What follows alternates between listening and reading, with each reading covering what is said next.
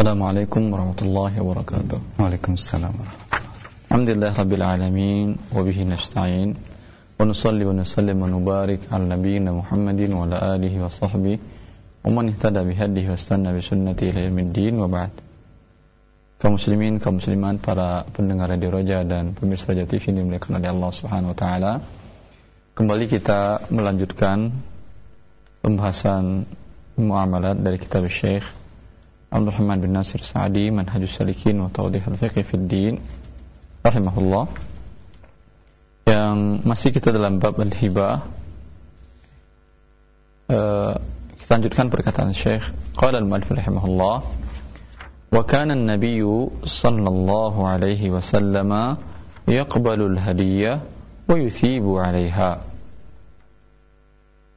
adalah Nabi sallallahu alaihi wasallam beliau menerima hadiah wa yuthibu 'alayha dan beliau membalas hadiah tersebut.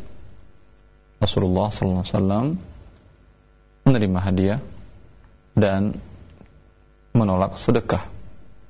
Ini diketahui dijelaskan oleh Allah sampai kepada ahli kitab dalam kitab Taurat dan Injil dijelaskan oleh Allah bahwa sifat Nabi terakhir itu beliau menerima hadiah dan uh, menolak sedekah.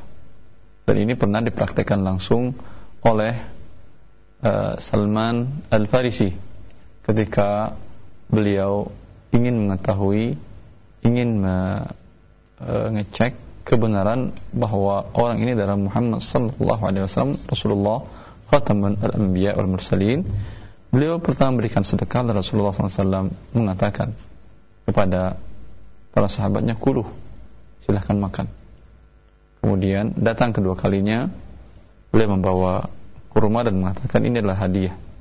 Maka Rasulullah makan dan mengajak para sahabat lain juga makan. Wa yuthibu 'alaiha dan beliau membalas hadiah. Bila seseorang memberikan hadiah maka Rasulullah memberikan hadiah apa yang beliau miliki. Dan sifat Rasulullah wa ma ana minal mutakallifin. Bahwa beliau tidak menyukai takalluf memberat-beratkan diri. Artinya apa yang ada? Bila di rumah beliau ada sesuatu beliau berikan.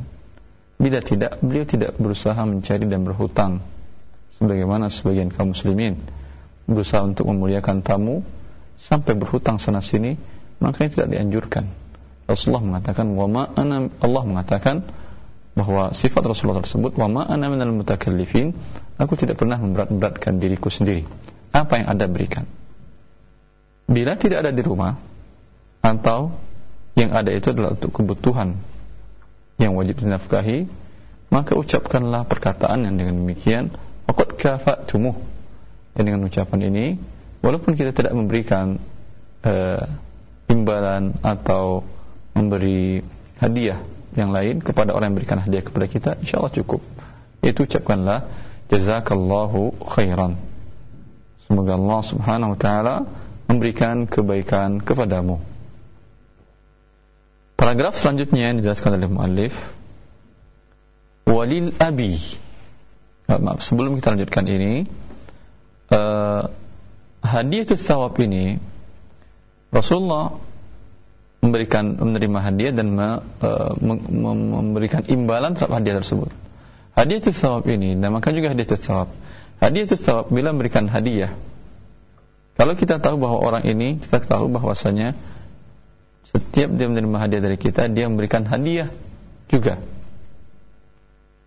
Maka hukumnya sebagian para ulama mengatakan kalau memang disyaratkan dari awal bahwa ini harus ada imbalannya, dia berubah menjadi akad jual beli menjadi muawadat. Ketika Anda melihat tetangga baru datang membawa uh, sesuatu, kemudian Anda berikan hadiah. Berharap hadiah barang bawaannya juga dihadiahkan kepada Anda. Maka ini bisa hadiah tersawab.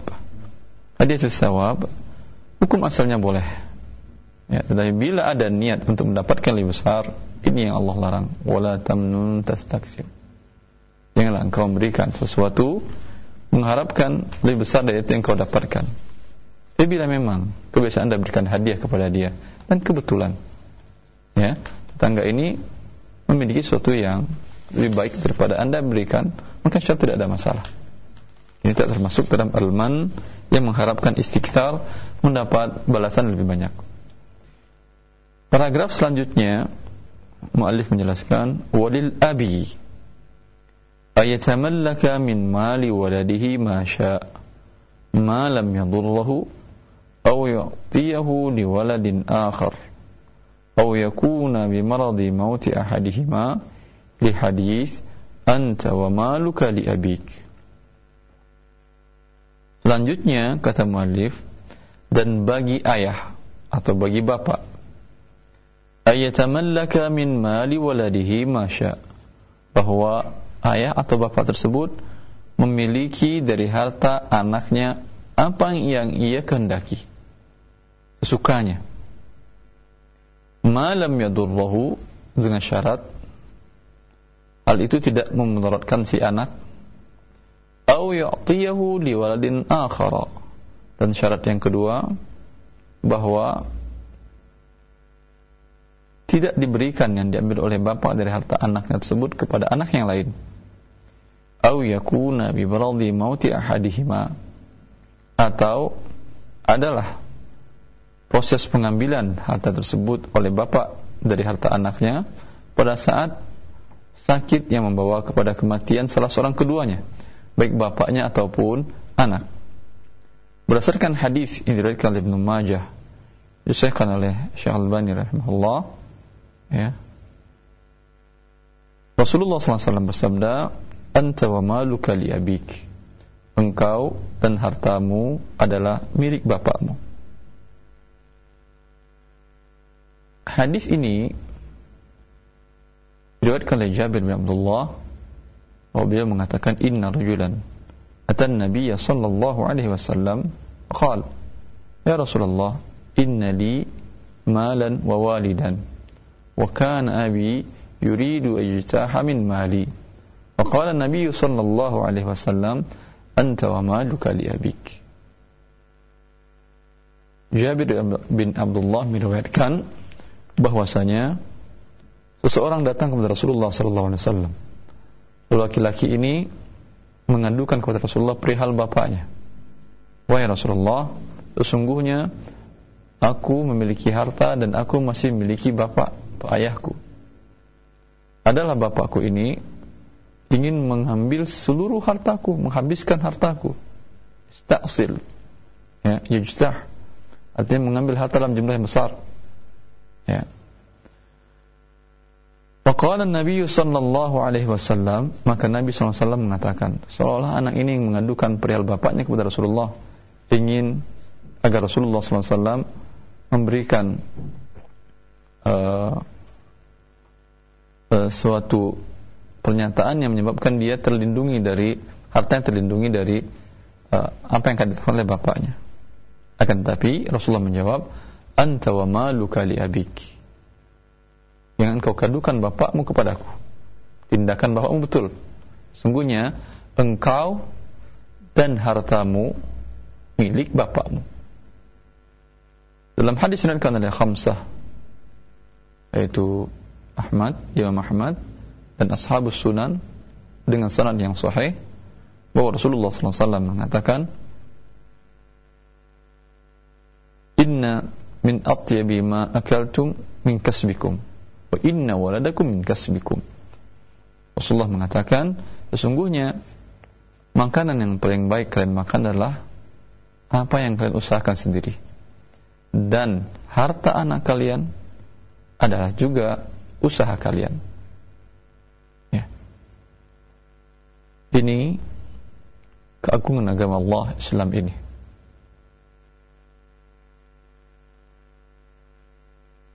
Ketika manusia jauh dari agama Allah Subhanahu wa taala, lihat negara peradaban yang mereka mendakwakan dirinya adalah peradaban yang maju.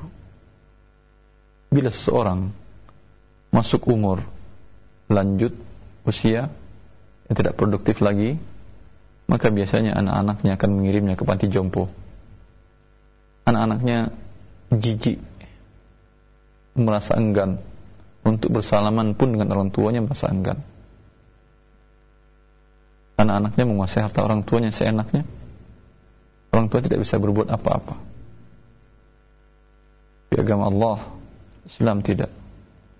Allah menggandengkan antara mentauhidkan Allah dengan berbuat baik kepada kedua orang tua. Wa qadha rabbuka alla ta'budu illa walidaini ihsana. Allah memerintahkan agar kita hanya beribadah kepadanya dan memerintahkan kita berbuat baik kepada kedua orang tua. Dan ini sering dalam Al-Quran. Bagian para ulama menjelaskan ini menunjukkan besarnya hak orang tua kepada diri kita. Setelah Allah, setelah Allah, setelah Allah. Allah adalah menciptakan kita dan kedua orang tua, bapak dan ibu adalah penyebab penciptaan tersebut ada kita hadir ke dunia ini. Maka tindakan sahabat tadi yang mengadukan bapaknya kepada Rasulullah SAW tidak dikubris oleh Rasulullah. Dan bahkan Rasulullah menangkan bapaknya dengan mengatakan anta wa maluka abik. Engkau dan hartamu milik bapakmu. Terserah bapakmu. Dia mengambil hartamu terserah. Boleh. Ya. Walaupun ini mufradat mazhab al-hanabilah walaupun hukum ini adalah uh, menurut pendapat Hanabilah berdasarkan hadis-hadis yang banyak dari Rasulullah SAW menunjukkan bahwa orang tua dalam ini khusus bapak walil abi. Rasulullah mengatakan anta wa maluka li abik. Bisakah dikiaskan dengan ibu? Tidak bisa dikiaskan dengan ibu. Karena bapak Allah mengatakan tentang laki dan perempuan. Hmm? Uh, persaksian seorang wanita sama dengan persaksian setengah laki-laki. Persaksian satu laki-laki sama dengan dua persaksian perempuan. Dan Rasulullah SAW mengatakan bahwa naqisati aklin wadin bahwa tabiat manusia dan ini bukan pelecehan pada wanita bukan ini kabar dari yang dari yang maha mengetahui kabar dari Rasulullah yang beliau berbicara berdasarkan firman wahyu dari Allah yang menyatakan bahwa Allah ciptakan wanita seperti itu. Nah, kisati aklin wa dinin. Wanita akalnya dibandingkan laki-laki lebih kurang. Lebih mengutamakan emosional daripada akalnya. Tidak bisa diingkari ini. Ya. Bukti tidak bisa diingkari. Ya. Dalam kenyataan kehidupan manusia, wanita menjadi pemimpin berapa persen? Di negara kafir pun sekalipun. Amerika terakhir ketika istri dari siapa yang Bill Clinton ingin maju ya mereka mengatakan kami lebih menyukai orang hitam ini dibandingkan dibandingkan wanita menjadi pemimpin kami. Itu iya itu di daerah kafir ya akhi. Di pusat kekafiran. Mereka menyatakan demikian karena naluri manusia ini Allah menciptakan maka tidak bisa dikiaskan ibu dengan bapak. Allah sifatnya adalah subhana kisati aklin wa dinin. Ya, kurang akalnya karena persaksian dua wanita sama dengan persaksian dua satu orang laki-laki. Kurangnya dinnya karena banyak yang dia tidak bisa ikut seperti ketika dia haid tidak bisa ikut beribadah. Ya. Oleh karena itu, Para ulama membolehkan orang tua untuk mengambil harta anaknya ini ini khusus untuk bapak saja dan tidak bisa dikiaskan dengan ibu. Juga tidak bisa dikiaskan dengan kakek dari bapak. Hanya untuk bapak saja. Bapak boleh mengambil harta anaknya. Ya. Dengan tiga syarat. Ya, pertama, malam yadullahu. Selagi harta tersebut tidak memudaratkan si anak Bila diambil oleh bapak harta dirang tersebut dan anak menjadi mudarat, jadi meminta-minta tidak memiliki apa-apa, anak sebetulnya punya rumah, kendaraan, ya, dikuasai oleh bapaknya, ya. Dalam hal ini, ya bapak tidak boleh melakukan hal ini. Bila ini adalah rumah satu-satunya dan kendaraan satu-satunya milik anak. Nah, ini akan memotorkan si anak. Dia tidak punya rumah dan tidak punya kendaraan. Tapi kalau anak anak memiliki berapa rumah sebaiknya sampaikan kepada bapaknya bahwa silakan bapak mau ingin rumah yang mana silakan tapi untuk bapak bukan untuk diambil dan diberikan kepada anak yang lain persyaratan selanjutnya tidak diberikan kepada anak yang lain karena status anak dengan saudaranya sama. Kemudian, syarat yang ketiga bahwa bapak dalam keadaan sehat dan anak dalam keadaan sehat. Kalau salah satu dari keduanya pada saat melakukan transaksi ini dalam keadaan sakit akan meninggal, maka ini tidak sah penguasaan oleh bapak kepada harta anak ini. Karena dia akan menjadi waris. Ya. Oleh karena itu eh, hendaklah orang tua bijak dalam hal ini. Walaupun kasus yang ditanyakan sahabat itu jarang sangat jarang orang tua yang berusaha menguasai harta anaknya dan sebaliknya yang banyak yang anak menguasai harta orang tua anak tidak bisa menguasai orang tua begitu saja harus dengan izin mereka tetapi bapak bisa menguasai harta anak baik ini anak laki-laki maupun anak perempuan. Anak laki-laki jelas hartanya. Anak perempuan hartanya adalah harta yang dia miliki atau yang dihibahkan oleh suaminya, bukan harta suaminya. Harta atas nama anak perempuannya ini bisa dikuasai juga oleh bapak dalam Islam. Dan ini agama yang menghargai orang tua dan berbakti kepada orang tua. Ya. Saya kira cukup ini.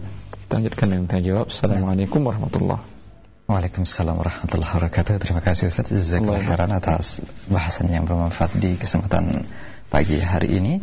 Untuk selanjutnya ikhwatal Islam di mana pun Anda kita masuki sesi tanya jawab. Silahkan untuk Anda yang akan bertanya. Anda bisa menghubungi kami di 08 eh, 021 823 6543 atau pesan singkat di 08131 777 6543 dan 081 989 6543. Baik, untuk yang pertama kami coba sapa dari penelpon, silahkan. Halo. Nah, iya. Halo. Halo, Assalamualaikum warahmatullahi wabarakatuh. Waalaikumsalam warahmatullahi wabarakatuh. Silahkan dari mana, Bapak? Dari Tanjung Priok dengan Andi, Pak. Dengan Pak Andi, silahkan Pak Andi. Ya. Ini saya mau nanya. Assalamualaikum warahmatullahi wabarakatuh. Waalaikumsalam warahmatullahi wabarakatuh. Di keluarga saya tuh sudah terjadi pembagian waris. Cuma sistem pembagiannya itu dibagi secara merata gitu kan.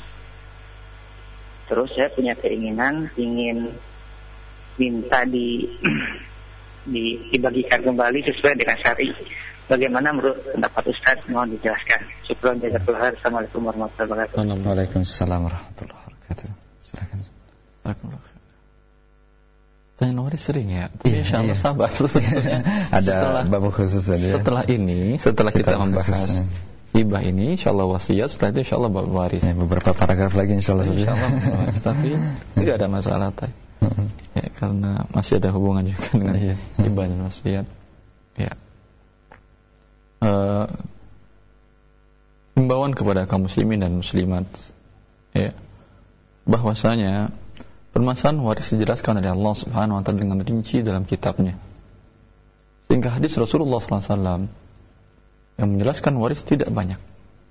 Tidak banyak. Semuanya nas dari Allah Subhanahu wa taala dari Al-Qur'an. Ya.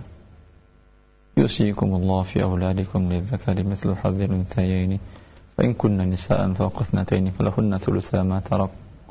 Hmm. In kanat wahidatan fahlan nis wa li abawahi li kulli wahidin minhum as-sudus dan selanjutnya.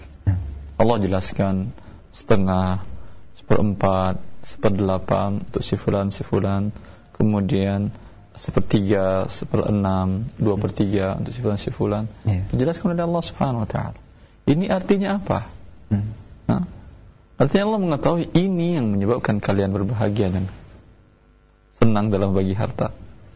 Kalaulah diserahkan kepada semua maunya kita, Allah cukup menurunkan ayat seperti Allah menjelaskan dalam jual beli. Yeah. Illa an takuna tijaratan an taradin minkum. Kecuali jual beli yang kalian saling redha. Masalah harga terserah kalian. Mau tinggi, mau rendah, kan saling, saling redho, tidak tertipu, silahkan. Ya. Walaupun di atas harga pasar, walaupun di bawah harga pasar. Ya. Kalaulah untuk waris cukup demikian, tentu Allah akan menjelaskan. Bagilah waris, kalian saling redho. Tapi Allah jelaskan seperdua, seperempat, seperdelapan, dua per tiga, seperenam, sepertiga. Kemudian kita mengatakan ini udah bagi saling redho sama rata. Ya, anda Allah ancam dalam ayat waris tersebut. Wa may ya'sillaha wa rasulahu wa yata'adda hudulahu. Siapa yang berbuat maksiat kepada Allah durhaka menentang Allah kemudian melampaui batas ketentuan Allah di antaranya ini dua ayat setelah ayat waris. Di antaranya tidak sesuai membagi waris seperti yang dikendaki oleh Allah. Allah sediakan bagi dia neraka dan dia kekal di dalamnya azabnya pedih. Maka anda berlindung kepada Allah. Bagi waris bukan seenaknya anda. Ya. Karena bila dibagi seenaknya, itu anda mengatakan sebagaimana yang dilakukan oleh sebagian adat dan masyarakat. Hmm. Menurut mereka, yang pantas dapat waris itu adalah anak perempuan karena anak perempuan tidak bekerja hmm. Ya mereka yang pantas dapat uang laki-laki kan bisa bekerja nanti iya. itu menurut satu daerah menurut daerah yang lain ya yang pantas itu laki-laki yang paling dewasa hmm. yang kecil-kecil enggak hmm. dan nanti mereka diberikan nafkah dewasa hmm. eh. menurut orang jahiliyah yang pantas mendapat waris itu laki-laki yang berperang saja hmm. tidak berperang tidak maka menurut masing-masing ya? berbeda-beda. Semaunya mereka. Hmm. Ya. Maka Allah Subhanahu wa taala memberikan keputusan rinci dalam hal ini. Maka jangan berbuat maksiat kepada Allah dalam hal ini. Dan bila terlanjur, hendaklah semuanya yang telah menerima harta tersebut mengembalikan sesuai dengan haknya. Ambil yang haknya dia, yang tidak haknya dia kembalikan. Hmm. Kecuali setelah dibagi sering itu terserah setelah dibagi dengan syariat Allah umpamanya untuk istri yang meninggal atau ibu mendapatkan karena ada anak seperdelapan. Sisanya itu anak laki dan perempuan tujuh per delapan. Satu banding dua dua laki-laki satu perempuan. Dibagi sudah masing-masing dapat. Misalnya anak perempuan dapat 100 juta laki-laki dapat 200 juta ibu dapat 200 juta umpamanya. Ya setelah dibagi kemudian yang laki-laki mengatakan ya udah ini saya terima sudah 200 juta. Yang 200 juta ini saya hibahkan kepada adik perempuan. Terserah atau saya hibahkan sejuta untuk adik perempuan 100 juta lagi untuk ibu saya terserah anda tapi setelah diterima yeah. dan biasanya manusia ketika diterima uang 100 juta berat untuk keluar dalam satu sen satu sen jangan itu kenapa dia udah ambil buat saya buat ambil semuanya karena belum terima dia yeah. kalau sudah terima satu miliar di tangannya hmm. Al-insan qatur. Allah mengatakan sifat manusia bahwa manusia itu pelit sebetulnya. Nah. Ya. Tapi karena merasa dia ini nggak ada usaha dia usaha orang tuanya, hmm. ya Allah sebagaimana Rasulullah mengatakan bahwa anak adalah usaha kalian, maka dari orang tua anda dapatkan waris. Ya, Kalau ingin dibagi ulang, bagus. Ya. Sampaikan kepada ahli waris yang lain yang pernah mendapatkan hal tersebut, kita kembalikan kepada hukum Allah Subhanahu Wa Taala. Ya. Allah yang Nah, khairan atas uh, jawabannya demikian untuk Pak Andi juga untuk penanya atau pemirsa lainnya yang bertanya seputar uh, hal pertanyaan mawaris insyaallah taala pada waktunya kita akan membahas secara lebih detail Pak ya atau pendengar yang lainnya kita coba untuk uh, sapa pendengar dan pemirsa yang akan bertanya yang kedua silakan. Iya, halo. Halo, Assalamualaikum. Waalaikumsalam warahmatullahi wabarakatuh. Dari mana Bapak? Abu Raihan dari Jakarta. Ya, silakan Pak Abu Raihan. Uh, Assalamualaikum Pak Ustaz. Waalaikumsalam warahmatullahi wabarakatuh. Barakallahu fiik. Allah barik fiik ya. Uh, mau nanya masalah warisan Ustaz. Waris lagi ya. silakan. silakan. Begini Pak Ustaz. Uh, kami punya warisan sebuah rumah dan kami ada enam bersaudara laki tiga, perempuan tiga. Uh, tapi sampai hari ini rumah tersebut belum juga dijual dengan alasan uh, nunggu harganya mahal gitu kan. Hmm. Ya kakak saya yang paling tua bilang gitu. Uh, sedangkan di antara kami ini ada yang sangat membutuhkannya Ustaz. Itu dan terus seandainya salah satu dari kami saudara ini ada yang meninggal, apakah anak dari anak laki-laki atau istri dari anak laki itu berhak juga untuk mendapatkan warisan tersebut Ustaz? Mohon penjelasan Ustaz. Istri dari anak laki-laki? Ya, bisa seandainya anak laki-laki meninggal, Iya. meninggalkan istri dan anak. Apakah anak dan istrinya itu juga masih mendapatkan Ustaz nanti gitu Pak Abu Rehan sebentar. Ya. Abu Rehan. Ya, ya. Ini sekarang antum tiga laki-laki, tiga perempuan, saudara. Betul. Betul. Eh, ibu masih hidup, istri dari sudah bapak. meninggal, sudah meninggal. Sudah. Eh, meninggal, ya. bapak yang meninggal ini harta bapak semuanya. Bap- Bapak. Harta- Semuanya harta bapak rumah ini. Ya. Baik. Bapak masih ada orang tuanya, ibunya dia, bapaknya dia sudah meninggal. Tidak ada juga semuanya. Baik. Ya. Ini antum yakin bapak nggak punya anak yang lain selain tiga ini dari istri yang lain nggak ada? Tidak, tidak. Baik. Ya. Terima kasih Ustaz. Terima kasih. Assalamualaikum. Waalaikumsalam warahmatullahi wabarakatuh. Silakan Ustaz. Ya. Eh, Masya Allah waris lagi ya. Iya. Masya Allah. Hmm. Man istajala syai'an qabla awanihi uqiba bihirmanihi. Khawatir nah seperti ini. Iya, iya. Artinya Insya Allah perhatikan bab waris dan eh, dua pertemuan lagi Insya Allah kita jelaskan waris Hmm. dan memang sedikit agak rumit Iya. Ya tapi nanti sabar dalam pelajarinya semoga dimudahkan oleh Allah untuk memahami hal ini Amin. harusnya karena ini waris adalah dalam Al-Quran ya, Hmm. jelas harusnya Hmm. Hmm. harusnya tidak perlu kita bertanya karena ada dalam surah An-Nisa Iya. ya. Allah mengatakan yusikumullah fi auladikum lidzakari mithlu hadzal unsayni Allah mewasiatkan kepada kalian bahwa anak perempuan mendapatkan satu bagian, anak laki-laki dua bagian. Maka dalam kasus ini, laki-laki tiga, perempuan tiga, berarti hartanya dibagi sembilan. Laki-laki mendapatkan dua per sembilan, dua per sembilan, dua per sembilan, enam per sembilan, perempuan mendapatkan satu per sembilan, satu per sembilan. Ya. Rumah ini milik mereka bersama berdasarkan saham masing-masing. Bagi anak laki-laki atau anak perempuan yang butuh, dia bisa menjual sahamnya ini kepada saudaranya. Ya, pada waktu itu dinilai ya dan disepakati harganya. Andai rumah ini umpamanya 900 juta per hari itu, Hmm. ada salah seorang di antara mereka yang butuh. Ya, tidak perlu sampai rumah itu terjual. Dia mengatakan harga saya tahu di pasaran harga satu miliar umpamanya. Iya. Saya sepakati harga lebih murah dari itu agar kalian mau beli dari saya yaitu 900 juta. Saya yang perempuan ini mengatakan saya butuh berarti hak saya sepersembilan 100 juta. Hmm. Kalau ada laki-laki yang butuh hak saya dua persembilan berarti 200 juta. Iya. Kalian mau beli dari saya silahkan. Kalau enggak saya jual saham saya ini kepada orang lain seperti perusahaan. Hmm. Dinamakan dengan syarikatul amlak. Hmm. Bersyarikat dalam kepemilikan barang. Iya. Ya, saya jual saham saya kepada orang lain. Kalian silahkan kalian bersyarikat dengan dia nanti terjual atau bagaimana terserah.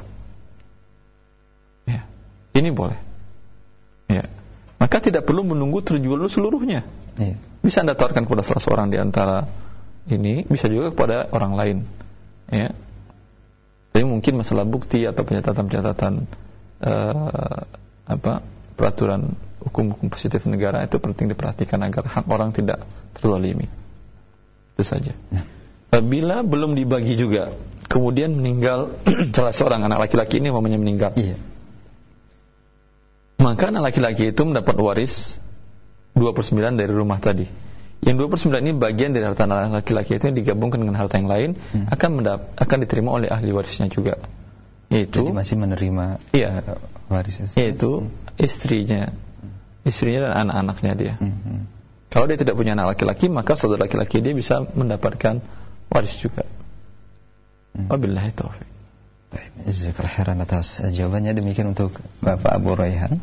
Semoga bermanfaat. Kita angkat untuk selanjutnya pertanyaan yang datang dari pendengar melalui pesan singkat. Ada pertanyaan dari Bapak Abu Abrori di eh, Jawa Barat yang bertanya Assalamualaikum warahmatullahi Assalamualaikum. Ustaz di dalam rumah tangga Apakah harta seorang istri juga dikuasai oleh orang tua istri Oleh orang tua istri Atau orang tua suami Ataukah oleh orang tua suami maksudnya Karena tidak adanya pemisahan kepemilikan harta Ustaz Nah, pertanyaannya apakah harta rumah tangga suami istri Itu bisa di, sini hanya hanya seorang istri saja.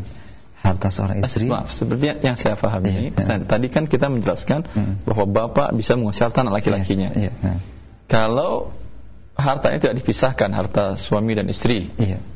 Apakah bapak dari suami tadi bisa menguasai harta istrinya juga? Iya. Istri dari anaknya, begitu kan Iya, maksudnya? iya, nah. Baik. Menguasai harta istrinya tidak boleh. Hmm. Ya. Karena dia bukan anak dari bapak tadi. Iya. Anak dari bapak tadi yang masuk dalam hadis anta wa maluka di abik. Nah. Bahwa engkau dan hartamu milik bapakmu. Hmm, hmm, Oleh karena itu hendaklah suami dan istri menjelaskan mana harta masing-masing. hmm, hmm. Ya, agar mudah dikuasai oleh bapaknya. Iya. Eh, bapak si suami. Hmm. Ya. Ya. Mana yang harta istri, mana yang harta suami, rumah umpamanya. Ini beli si harta siapa yang beli? Ya. Mungkin Anda mengatakan, ah kok seperti itu banget sih rumah tangga pelit banget sih sepertinya ngitung harta itu suami. Iya, akhi. Hmm. Orang kafir lebih detail mereka menghitung mana yang harta suami, mana yang harta istri. Iya. Iya atau tidak? Hmm. Iya. Karena mereka tahu bahwa hidup mereka tidak selama-lamanya berdua. Hmm, hmm. Mereka gampang kok ganti hari ini ketemu fulan besok ketemu si dan mereka walaupun bagi mereka tidak ada yang haram. Ya. Dalam Islam Hmm. memang pernikahan tersebut ya dianjurkan untuk tidak bercerai tetapi siapa yang bisa mengira ke depannya memang ketika di awalnya istri anda soleh dan soleh atau suami anda soleh tapi siapa yang bisa mengira apa yang akan terjadi di masa mendatang? Atau yang sangat disayangkan tertipu malah. Dikira suami adalah yang soleh ternyata tidak. Dan dikuasai hartanya seenaknya oleh suaminya. Atau sebaliknya dikira istri ini sol, perempuan yang soleha dan dinikahi ternyata tidak. Ternyata dia adalah penguasa harta. Semua harta suami dikuasai dia. Rumah atas nama dia. Mobil atas nama dia. Apalagi semua atas nama dia Hmm. sama istri. Hmm. ya? Sehingga kalau suami wafat kasihan hak ahli waris Iya. dari suami ini bapaknya Hmm. saudaranya dan lain-lain tidak karena semua atas nama istri bagaimana mereka akan menguasai harta tersebut. Iya. Iya. Ya. maka hendaklah dalam rumah tangga masing-masing menjelaskan harta masing-masing tidak mesti detail tidak mesti detail tidak mesti dicatat di notaris tetapi sekurang-kurangnya anda tahu mana yang harta anda mana yang harta suami Nah. mana yang dihibahkan oleh suami mana yang dihadiahkan oleh suami ya mana yang anda hibahkan atau anda hadiahkan kepada suami ini penting ini wabillahi taufiq Nah, jazakallah khairan. Demikian untuk Bapak Abu, Abu Abrori, semoga bermanfaat. Kita angkat dari pesan singkat berikutnya dari Umur Ridho di Depok yang bertanya, Assalamualaikum warahmatullahi wabarakatuh. Ustaz, eh, apabila hak bapak terhadap anaknya adalah berupa anak dan hartanya tersebut, Ustaz, Ya. maka apa hak ibu terhadap anaknya sementara kedudukan ibu eh, memiliki tiga kali kedudukan dari seorang ayah? Mohon nasihat dan penjelasannya. Jazakumullah khair. Dalam kasus seperti ini, Hmm. dalam bila ada uh, nas seperti ini, Hmm. sebaiknya pertanyaan jangan bentuknya begitu. Iya. Ini sepertinya menentang Hmm. apa yang disampaikan oleh Rasulullah. Nah, Sebaiknya mengatakan apa hikmah di belakang itu. iya. Ya. Karena sepertinya kita mengatakan bahwa pertama ketika Rasulullah ditanyakan, Hmm. Ayun nasi ahakku bil bir. Ya Rasulullah, oh ya Rasulullah, siapa manusia yang paling baik aku berikan bakti kepadanya? Iya. Ummuk, ummuk. Tiga kali Rasulullah mengatakan ibumu, kemudian abu. Ya. Kemudian dalam hadis yang lain, dalam hadis Abu Daud tadi dari Jabir dan Abdullah, Rasulullah mengatakan, Anta wa maluka li abik. Nah, Apakah ini tidak bertentangan bakti kepada bapak, bakti kepada ibu tiga kali di bapak? Kenapa dalam masalah harta bapak seluruhnya ibu tidak dapat apa-apa? Iya, iya, iya. Ya. Nah, Sebaiknya dalam seperti ini nanyakan apa hikmah di belakang ini. hmm. ya atau bagaimana cara memahami dua hadis ini yang menurut saya sepertinya bertentangan Iya.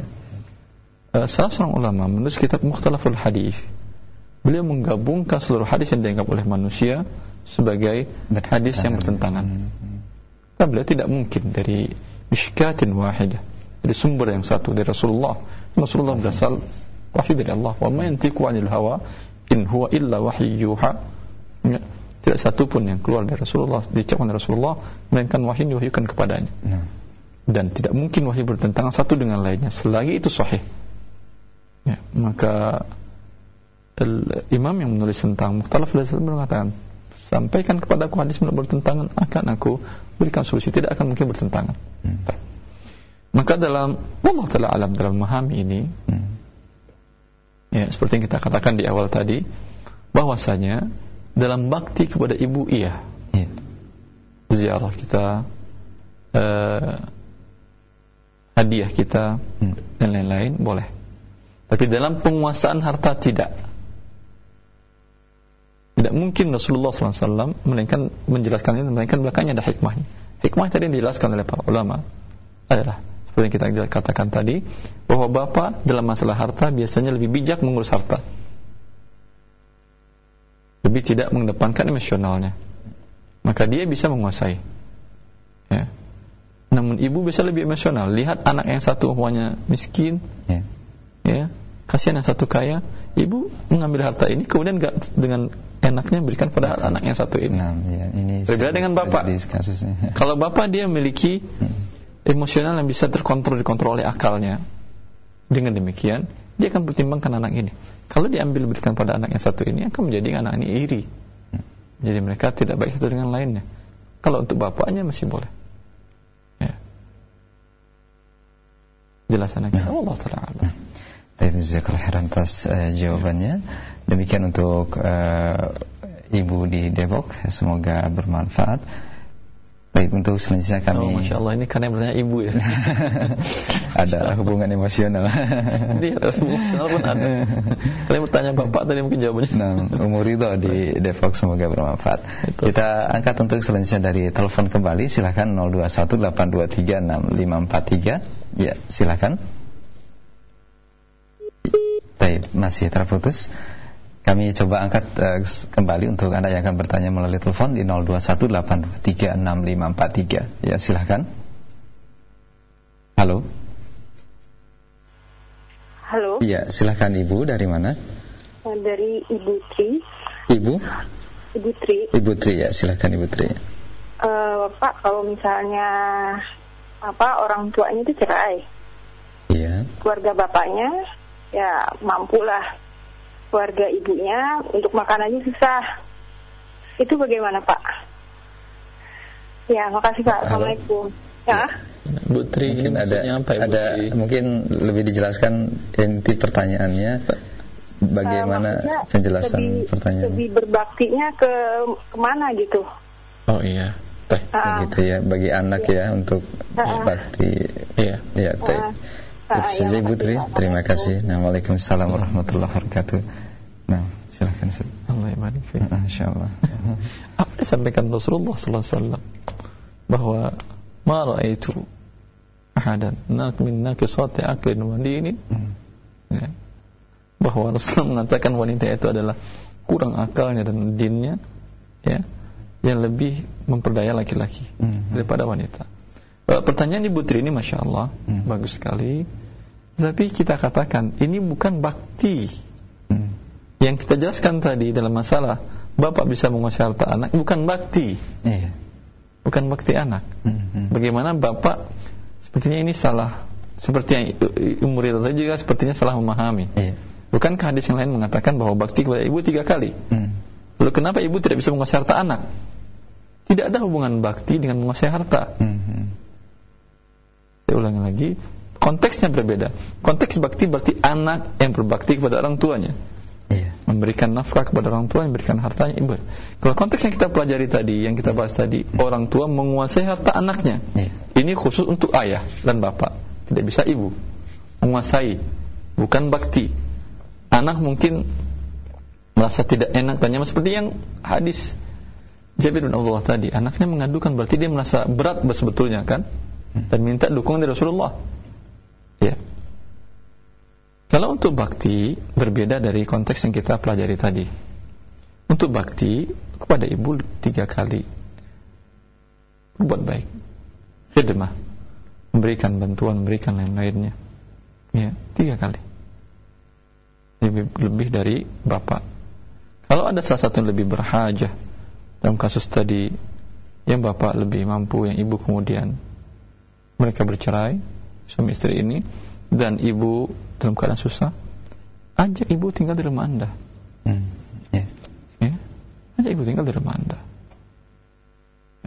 ibu umpamanya menikah lagi dengan laki-laki yang lain ya dan kehidupan mereka susah bapak yang suami ibu ini adalah bapak tiri anda ya.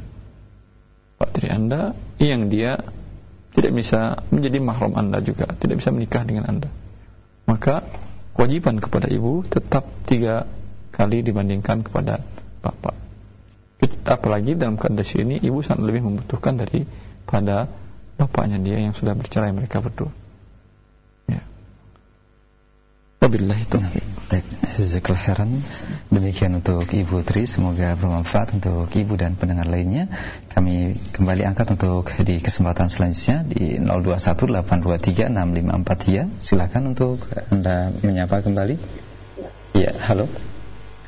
Assalamualaikum. Ya, Waalaikumsalam warahmatullahi wabarakatuh. Silakan dari mana, Ibu? Dari Ibu Nasifah. Ibu Nasifah, silakan. Dari Pemendang. Saya mau tanya. Silakan, Bu. Keluar keluar dari tema Ustaz. Ya, eh, terkait eh, muamalah secara umum mungkin. Masalah uang saya, anak saya yatim dapat warisan dari ayahnya. ya ibu Iya. Uang itu demi keamanan saya taruh di bank. Hmm, iya. Apa wajib zakat Ustaz? Eh, berapa nilainya ibu nominalnya kalau maaf saya Serat- 100 juta. ya Hmm, iya. Baik. Ya. Itu saja, Bu. Ada tambahan? Baik. Terima kasih. Nah, silakan. Ustaz. Eh, mengenai harta anak yatim apakah diken- terkena zakat juga atau tidak dalam ini khilaf para ulama Hmm. pendapat Hanafiyah mengatakan bahwa harta yatim tidak terkena zakat Iya. jumhur para ulama mengatakan terkena zakat dan ini pendapat yang terkuat berdasarkan uh, ansar yang sabit dari Umar bin Khattab radhiyallahu anhu ittajiru bi amwalil yatama la ta'kulha sadaqah. Umar mengatakan kepada orang yang menguasai harta anak yatim dan mengembangkannya dengan perkataan beliau dagangkan putar harta anak yatim dalam bentuk dagangan agar tidak habis dimakan zakat. Ya. dengan demikian bila harta ini sampai nisab tetap ada kewajiban zakat kalau harta ini sampai nisab tadi dikatakan 100 juta Iya. 100 juta sampai nisab tetapi apakah 100 juta ini Hmm. maaf saya lupa menanyakan kepada ibu tadi anaknya berapa Iya. Ya. Tidak 100 juta ini kalau untuk satu anak sampai nisab tapi kalau anaknya 5 ya laki-laki umpamanya 5 dibagi 5 masing-masing 20 juta 20 juta berarti tidak terkena zakat Hmm. ya secara umumnya begitu bila anaknya 5 5 tidak terkena zakat karena nisab zakat 85 gram emas sama mungkin dengan 45 juta. Kalau anak ini tiga saja anaknya maka ini sudah tidak terkena zakat. Jadi kalau cuma satu anaknya atau dua dua berarti masih 50 juta masih terkena zakat. Dan dikeluarkan zakatnya 2,5% per tahunnya. Ya setiap tahun dikeluarkan zakatnya sampai sampai batas nisab. Bila kurang dari nisab tidak terkena zakat. Bila saya kira? Nah. Allah Baik, terima kasih Jazakallah khairan atas jawabannya. Demikian untuk Ibu Nasifah. Kami angkat untuk selanjutnya dari pesan singkat kembali dari pertanyaan yang telah kami terima dari seorang muslimah di Makassar yang tidak menyebutkan nama detail. Ya, Assalamualaikum warahmatullahi wabarakatuh. Ustadz, bagaimanakah hukumnya jika suami istri yang bercerai akan tetapi tanah hibah milik istri yang diberikan eh, saat menikah dulu oleh suami malah direbut kembali oleh suami saat bercerai dan si suami tidak ingin memberikan hak tanah hibah tersebut kepada istri. Bagaimana eh, hukumnya? Mohon penjelasan. Allah. Iya. Suami menghibahkan tanah kepada istrinya. Kemudian ketika mereka bercerai itu dulu mau nikah. Dia mengatakan saya memberikan hibah karena nikah. Hmm. Sekarang kan cerai saya tarik lagi hibahnya. ini, ini dilihat. Kalau andai tanah ini sudah dikuasai istri, nam, balik sudah balik nama umpamanya, atau walaupun belum balik nama, Hmm. tapi tanah ini sudah dikerjakan oleh istri, istri yang ini atau disuruh orang lain mengerjakan dan hadiahnya atau hasilnya untuk istri, upahnya untuk istri dari sewa menyewakan tanah ini, walhasil sudah dikuasai oleh istri, maka suami tidak bisa mengambil, mengambil kembali hibahnya dalam hadis diriwayatkan oleh Bukhari dan Muslim pada pertemuan yang telah kita jelaskan bahwa Rasulullah mengatakan Al-a'idu fi hibatihi kal kalbi ya'udu fi qayhi wa laysa lana mathalus saw Orang yang kembali menarik hibahnya hmm. setelah diterima oleh yang menerima hibah ya dia seperti anjing. Bila anda wahai suami tidak mau dikatakan oleh Rasulullah bagaikan anjing jangan lakukan ini. Bukan seperti anjing saja kata Rasulullah. Anjing yang menelan muntahnya anjing muntah kemudian telannya lagi. Saya kira ada anjing seperti ini tidak ada. Tidak ada. Allah Rasulullah umpamakan orang yang menarik kembali hibahnya dengan hal yang paling buruk. Lebih buruk daripada anjing. Ya. Hmm. maka daripada anda disifati Rasulullah menjadi yang terburuk ah, ini sudah sudah diterima oleh istri menjadi hak istri yang diambil walaupun umpamanya secara hukum anda bisa karena mungkin belum belum balik nama ya bisa anda kuasai hmm. ya akan tetapi ini merugikan anda di dunia dan di akhirat karena sekarang tanah ini atau harta ini disifati Rasulullah bagaikan muntah anjing. Yeah. Dari muntah anjing apa yang bisa diharapkan? Hmm. Apakah, apakah bisa tanah ini akan menjadi berkah? Muntah anjing tidak berkah. Hmm. Kemudian anda sendiri disifati oleh Rasulullah SAW dengan seekor anjing. Ya. Nah, Nah, Demikian untuk uh, Ibu di Makassar, semoga bermanfaat. Kami angkat selanjutnya dari pesan singkat dari Umuh Hilyah di Toli-Toli, Sulawesi Tengah yang bertanya, Ustaz saya mengajar di SMP Putri, ya. kemudian suami mengajar di eh, sebuah SD. Ya. Kemudian uh, gaji uh, kami terima dari uh, pihak sekolah uh, tempat kami mengajar, tetapi kadang-kadang wali murid atau uh, tetangga wali murid atau juga teman uh, wali murid tersebut memberikan hadiah berupa makanan atau hadiah lainnya kepada saya ataupun suami dan anak-anak saya. Ya. Apakah layak diterima hadiah tersebut? Karena saya khawatir itu adalah termasuk riswah. Kalau boleh, bagaimanakah eh, kita membedakan antara yang murni pemberian dengan uh, pemberian yang bersifat riswah tersebut? Ustaz, mohon jawaban dan nasihatnya. Ya. Betul.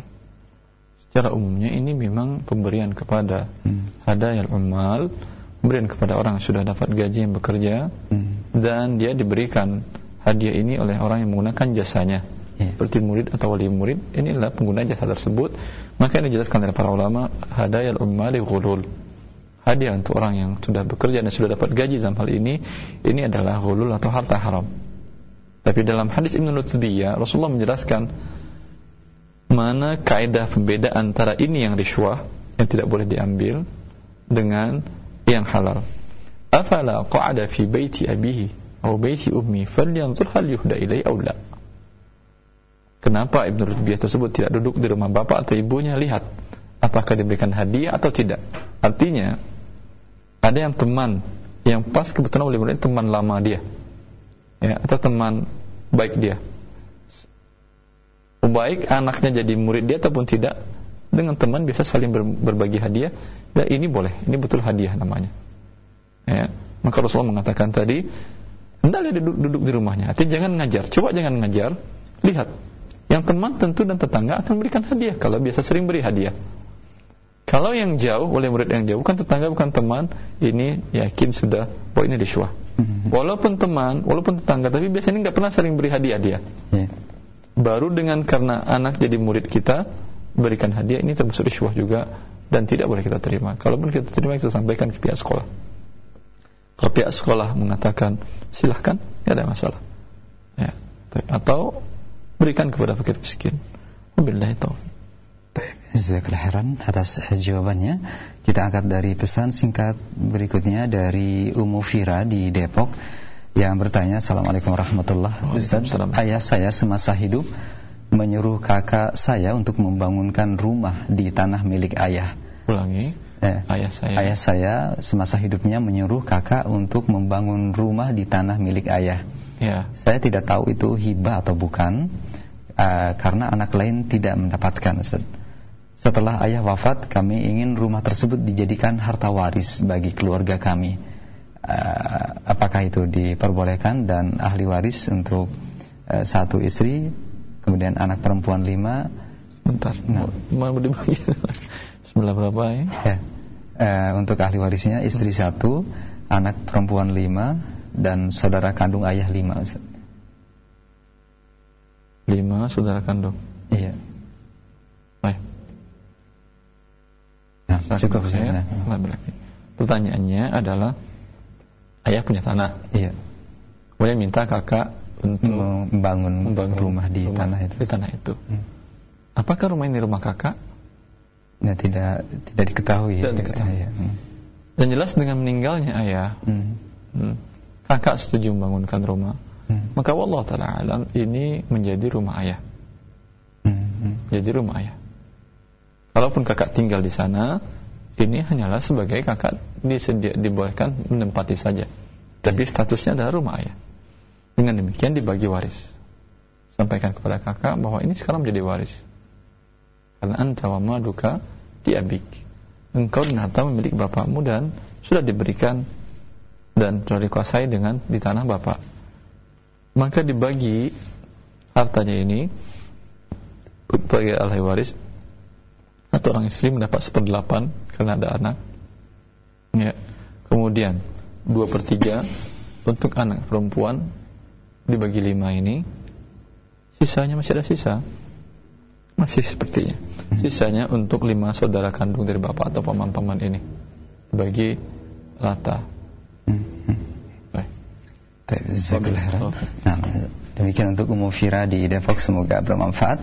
Kita angkat kembali pertanyaan yang dari pesan singkat dari saudara Abu Abdurrahman di Bekasi yang bertanya Assalamualaikum warahmatullahi Ustaz tadi menjelaskan bahwa Rasulullah SAW menerima hadiah. Kemudian yang jadi pertanyaan bahwa saya adalah seorang yang miskin yang tidak mampu memberikan hadiah kepada Ustaz di daerah saya.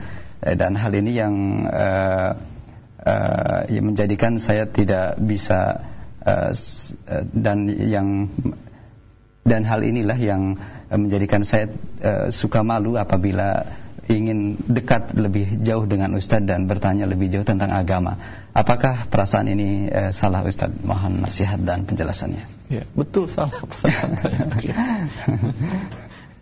karena karena mungkin tidak enak begitu Ustaz tidak bisa memberikan hadiah. Ya, Rasulullah SAW bukan meminta. Nah, jadi tidak ada faktor kedekatan tertentu dengan sahabat tidak, tertentu yang memberikan hadiah. Ya, Rasulullah dekat dengan Dhamin Maktum seorang buta. Nah, ya. Dekat dengan Abu Hurairah seorang yang yang dikenal dengan ahlus sufah. Hmm. Dan ahlus sufah itu adalah orang yang miskin. Hmm. Mereka tidak punya rumah. Muhajir. Orang datang hijrah kepada Rasulullah dan tidak membawa harta. Hmm. Bin Mas'ud orang miskin. Banyak sahabat besar. Karena mereka miskin, mereka dekat dengan Rasulullah. Sehingga tinggal di masjid dekat dengan Rasulullah. Hmm. Sehingga mereka banyak memberikan hadis Rasulullah karena kemiskinannya. Yeah. Orang miskin diberikan kemuliaan oleh Allah dibandingkan orang kaya hmm. di dunia dan di akhirat. Kenapa? Hikmahnya di antara akan banyak berpuasa dibandingkan orang kaya. Niatkan puasa diterima oleh Allah Subhanahu wa taala. Hmm. Ya.